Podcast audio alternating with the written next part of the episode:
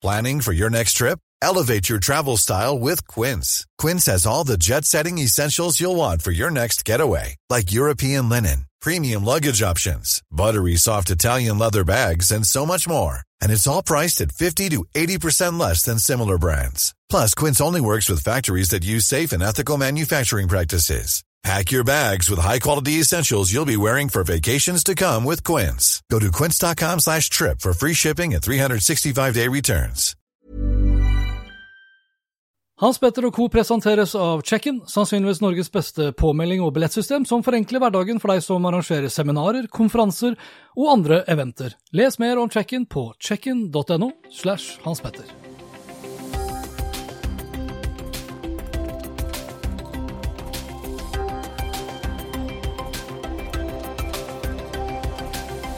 I denne episoden her så skal det bl.a. handle om Vest politidistrikt, som bruker tiåringer for å lykkes på TikTok, som har 13-årsgrense.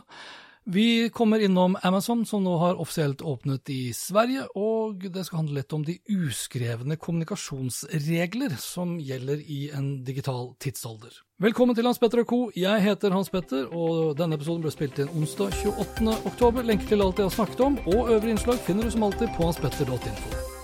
Politiet er stjerner på TikTok, skriver TV 2 27.10. Samme dag så var også politiet på besøk hos TV 2, og da God morgen Norge, for å snakke nettopp om TikTok-suksessen.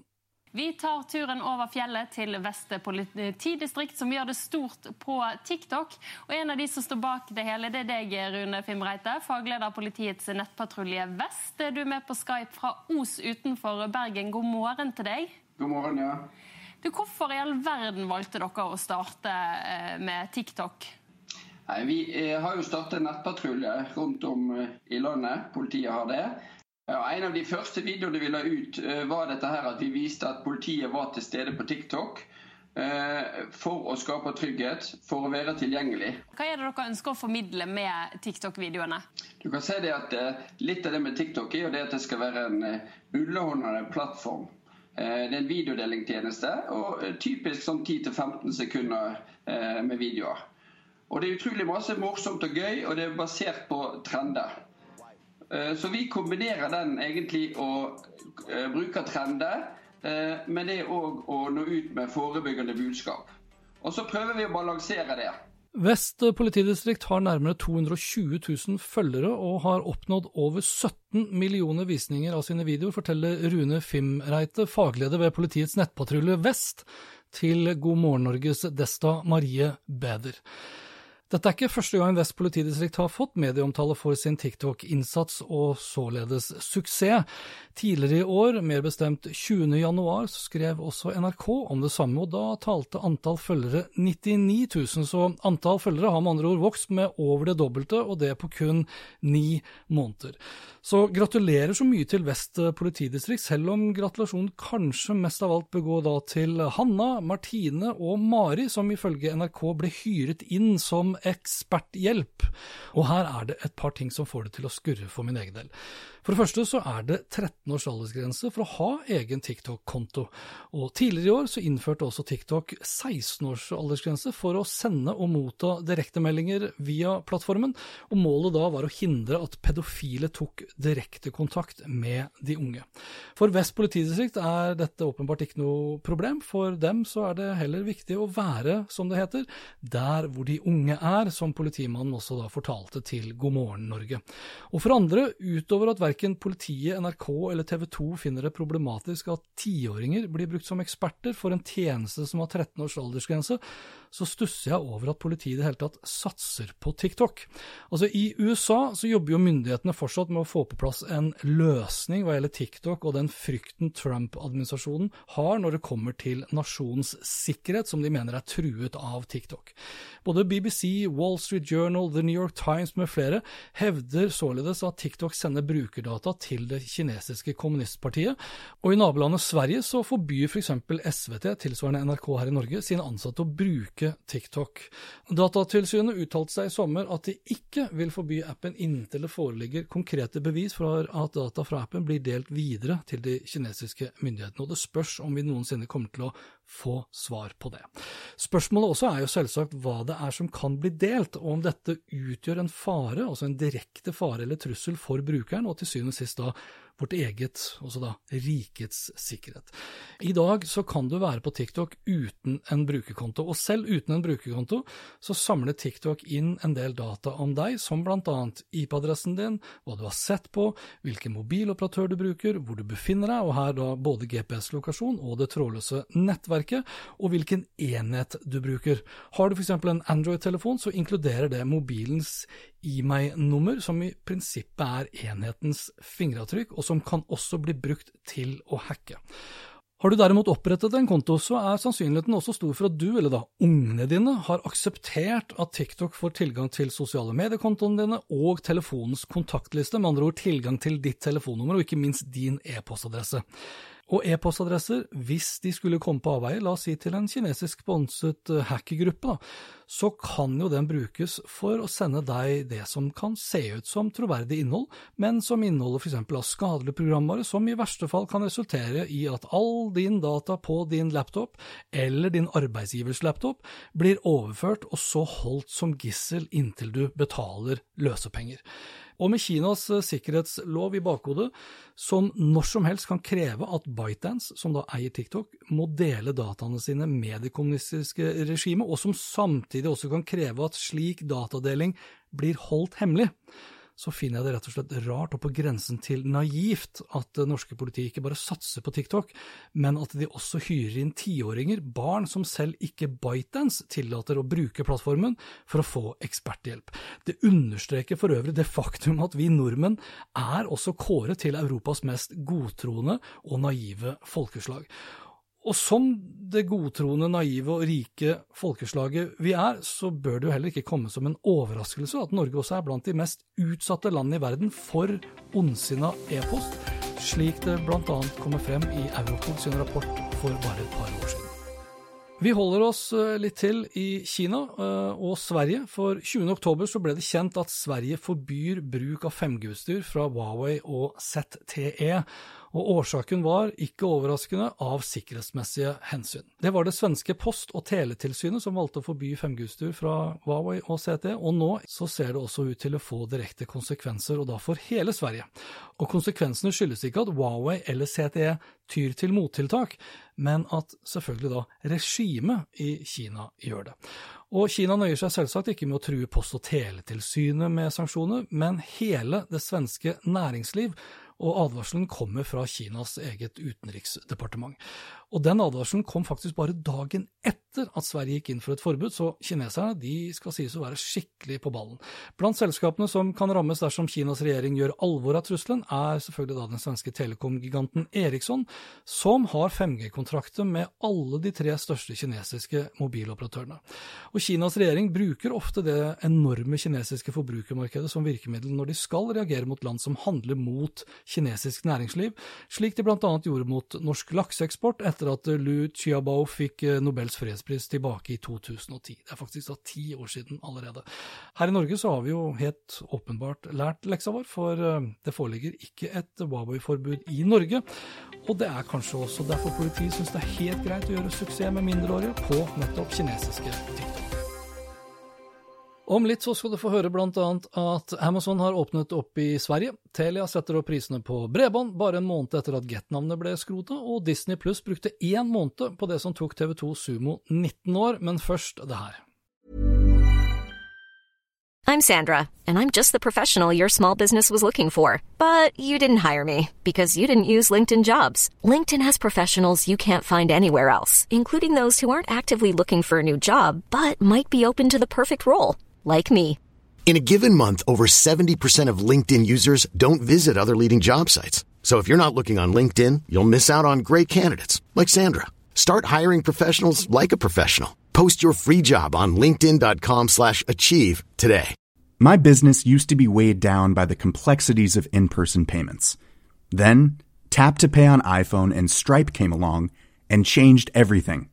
With Tap to Pay on iPhone and Stripe, I streamline my payment process effortlessly.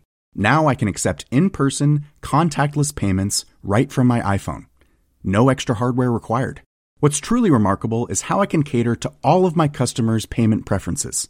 Whether they're using cards, Apple Pay, or other digital wallets, Tap to Pay on iPhone and Stripe ensure a smooth checkout experience every time.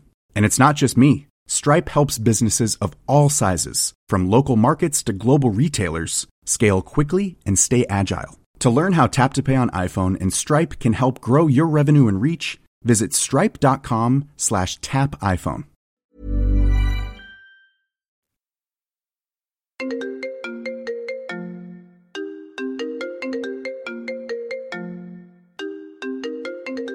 Ikke ring uten at du har tekstet meg først, skrev jeg for over seks år siden, og nå skal det altså handle om de uskrevne kommunikasjonsreglene som gjelder nå i dag, i den digitale tiden vi tross alt lever i. Og da kan jeg jo samtidig legge til at det er fortsatt svært få som overholder det rådet jeg ga da for seks år siden, til tross for at samtlige jeg snakker med innrømmer at det er stadig vanskeligere å nå folk man ringer til, uten at samtalen har blitt avtalt på forhånd. Unntaket her er nok de aller eldste, som fortsatt svarer på samtlige telefonsamtaler, selv om det er midt i et middagsselskap, en hyggelig eller viktig ansikt-til-ansikt-samtale, eller midt i en veldig spennende episode av favorittserien som går lineært på NRK, hvis du vil. Og jeg kan både akseptere og respektere og tilgi til og med at de eldre velger å nedprioritere en samtale de har med f.eks. meg, da, ansikt til ansikt, til fordel for hvilken som helst telefonsamtale som dukker opp på mobilene deres. Samtidig så forstår jeg egentlig ikke det samme. Altså, hvorfor skal en uanmeldt telefonsamtale fra hvem som helst i verden snike seg foran alle andre i køen? Jeg har en hypotese som Kanskje det handler om at da de eldre var unge, så var tilgang til telefon langt fra en selvfølge.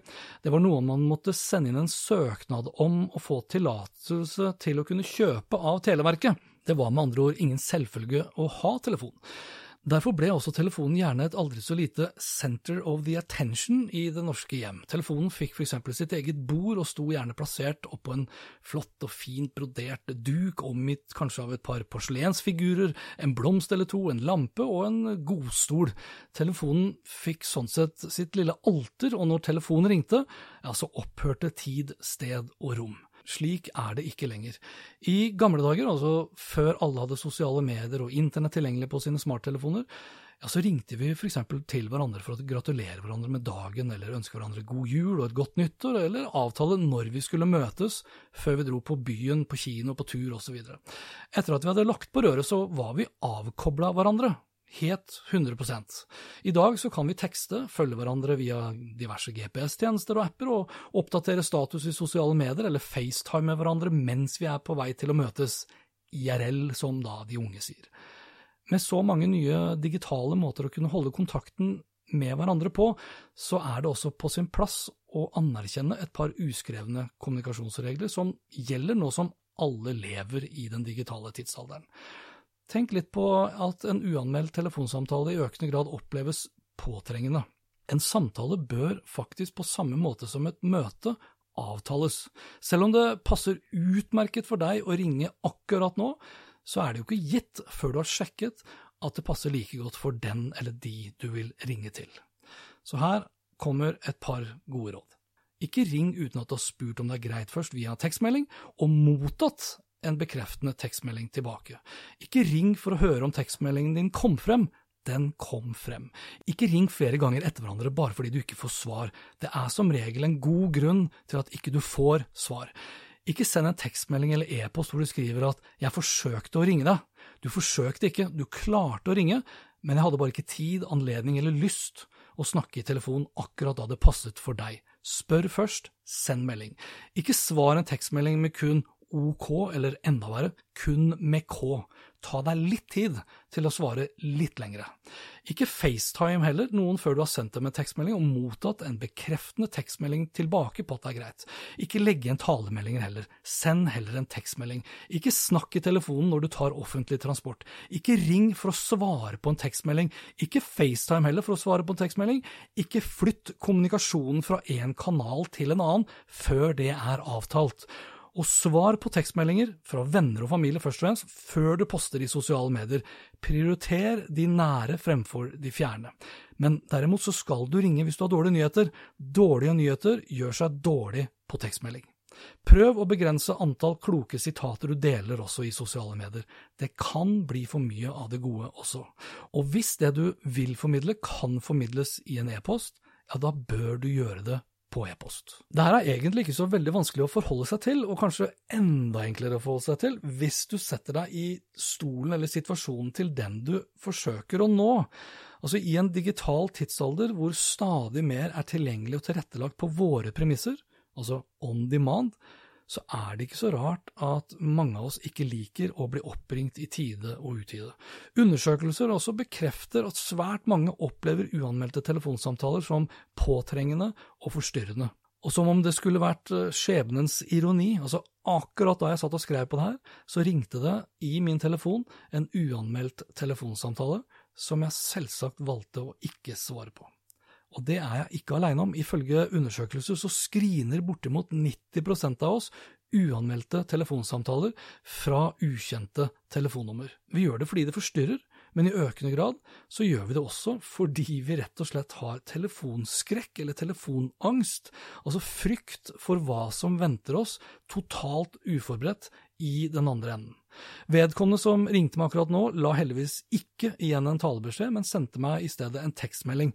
En tekstmelding som jeg skal snart svare på, som tekstmelding. Jeg skal ikke ringe tilbake, jeg skal altså tekstmelde vedkommende tilbake.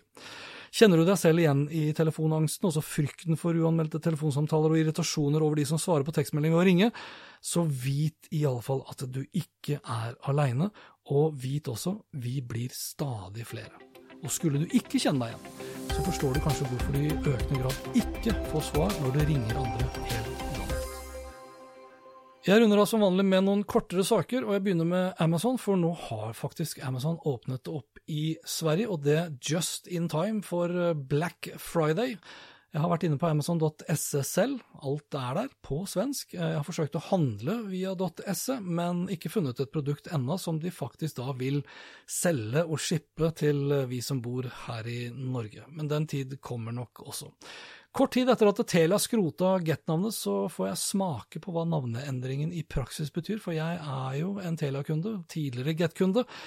Og i en e-post 19.10 så skriver Telia til meg, og jeg siterer, for å sikre at du får den beste bredbåndsopplevelsen i dag og i fremtiden, er vi samtidig avhengig av å gjøre en prisjustering på våre bredbåndsabonnement.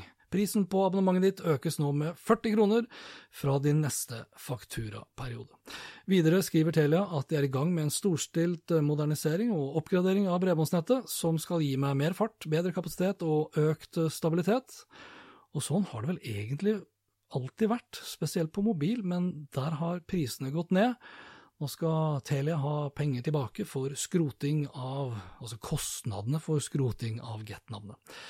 Vi går fra Telia til Disney pluss, for Disney pluss går så det griner etter her i Norge. Bare en måned etter lanseringen så har allerede 500 000 nordmenn skaffet seg et Disney pluss-abonnement. Og til sammenligning så brukte da TV 2 19 år på det samme, hvis vi da tar med oss eh, Sumo som ble lansert som web-TV tilbake i 2001, og som iPad-app i 2011, og deretter på Apple TV i 2014. Nå er det litt urettferdig kanskje å sammenligne Sumo mot uh, Disney Pluss, i og med at kostnadene er uh, litt sånn forskjellige, men allikevel, det er helt rått og i ganske stor kontrast med Kantar sine spådommer tidligere om at Disney Pluss ville slite med å få særlig mange abonnenter. Sist, men ikke minst, så har jeg lyst til å komme med en aldri så liten anbefaling fra HBO denne gangen også, som 16. oktober slapp eh, dokumentaren The Perfect Weapon, som jeg syns du bør ta en kikk på. Dokumentaren er helt ny, fra 2020, og er basert på boka med samme navn av David E. Sanger. Filmen beskriver fremveksten av cyberkrigføring og cyberspionering i en internasjonal skala, og har du bra med tid til overs, nå som vi alle sammen skal hele tiden bare være hjemme, mer eller mindre, og ikke har sett The Social Dilemma på Netflix, Agents of Chaos og The Comey Rule på HBO, ja, så gjør du det, og så runder du av det maratonløpet med The Perfect Weapon på samme kanal på HBO. Da får du iallfall litt å tenke på, og det får muligens også Vest politidistrikt. Cyber is the most inexpensive, highly destructive, highly deniable weapon. You don't see the war, but war is taking place. For decades, there was a lot of cyber theft, but everything would change in 2007. A piece of malware would be delivered into the Iranian nuclear program. The United States used a powerful cyber weapon in a very aggressive way. And others began to say, if the Americans can do it, so can we. Foreign cyber actors are targeting America's critical infrastructure networks. They said, oh, that's the way the game is played. Breaking into emails and making them public. I was like, I don't think this movie's coming out, guys. Some dictator cannot impose censorship in the United States. The volume of attack is escalating. Bad information is now spreading faster than the coronavirus itself. The sophistication is escalating. It attacked 155 countries in one day. Cyber will be a weapon of choice. Nations see this as an element of national power. This becomes a perfect weapon, one we're not prepared to defend against. Og det var det for denne gang. Lenker til alt jeg har snakket om og øvrige innslag finner du som alltid på Hans Petter 8info. Og likte du det du hørte og vil forsikre deg om at du får med deg de neste episodene, da kan du bl.a. abonnere på Hans Petter 8 på Apple Podcaster. Ellers er podkasten også tilgjengelig som sagt på Spotify, Acast, Google Podcast, Overcast og TuneIn Radio. Inntil neste gang, vær nysgjerrig, for det er den beste måten å møte vår digitale fremtid på. Hans Petter og co. presenteres av Check-in, sannsynligvis Norges beste påmelding og billettsystem, som forenkler hverdagen for deg som arrangerer seminarer, konferanser og andre eventer. Les mer om Check-in på checkin.no slash Hans Petter. Step onto the legendary clay courts of Roland Garros, where the world's best players battle it out at the French Open for a chance to win a Grand Slam title. Tennis Channel Plus is your place to watch. Stream every court from your phone or smart TV live in HD. See the action unfold as legends fight for glory and new rivalries emerge. Daily live coverage begins Monday, May 20th, with match replays on demand so you never miss a moment. From the first serve to the final point, Roland Garros promises unforgettable moments and new chapters in tennis history. Stream now with Tennis Channel Plus to be there when it happens. Even on a budget, quality is non-negotiable. That's why Quince is the place to score high-end essentials at 50 to 80% less than similar brands. Get your hands on buttery soft cashmere sweaters from just 60 bucks, Italian leather jackets, and so much more. And the best part about Quince, they exclusively partner with factories committed to safe, ethical, and responsible manufacturing. Elevate your style without the elevated price tag with Quince. Go to quince.com/upgrade for free shipping and 365-day returns.